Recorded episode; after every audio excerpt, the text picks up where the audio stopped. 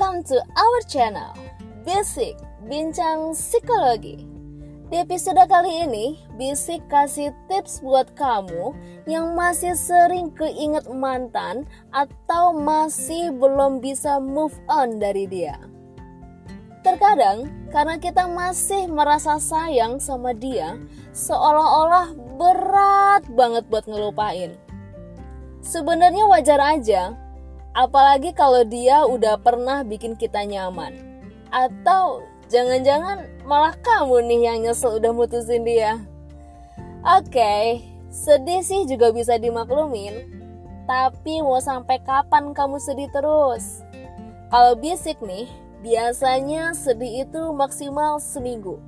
Abis itu ya harus bener-bener gak sedih lagi. Karena gimana pun juga, life must go on. Hidup kita tuh gak akan berakhir hanya karena kehilangan dia. Kita masih punya impian dan cita-cita yang harus diwujudkan. Jangan hanya karena dia seorang, terus kita harus kehilangan semua impian kita.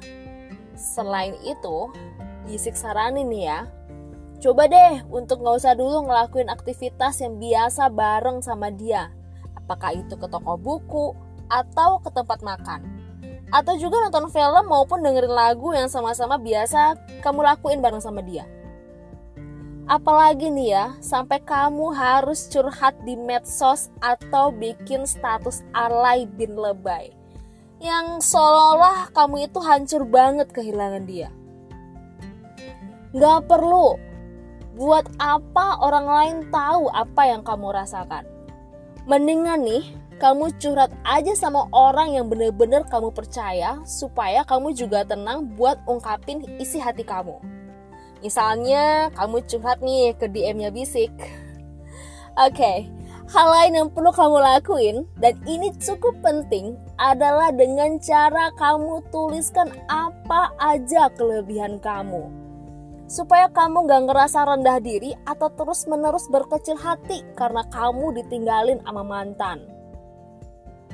Tujuannya biar kamu bisa bangkit lagi dan sadar bahwa kamu masih punya kelebihan yang bikin kamu memiliki semangat baru dalam menjalankan hari-hari kamu ke depannya. Yang terakhir nih, kamu mulai sekarang harus kudu dan mesti mencintai diri kamu sendiri sebelum kamu mencari orang yang akan mencintai kamu juga. Artinya, mulai sekarang perhatikan penampilan kamu. Ubah kebiasaan burukmu dan tingkatkan religibilitasmu. Percayalah, Tuhan sedang menyiapkan seseorang yang benar-benar tulus akan mencintai kamu. Ke depannya, kamu harus selalu berhati-hati untuk mencintai dan mempercayai seseorang. Tentukan langkah baru hidupmu mulai detik ini juga.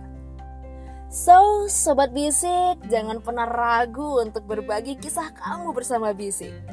Follow on IG juga ya, Bisik underscore bincang psikologi. Terima kasih buat Sobat Bisik semua, kami tunggu kisahmu dan sampai jumpa di episode Bisik berikutnya. Bye-bye.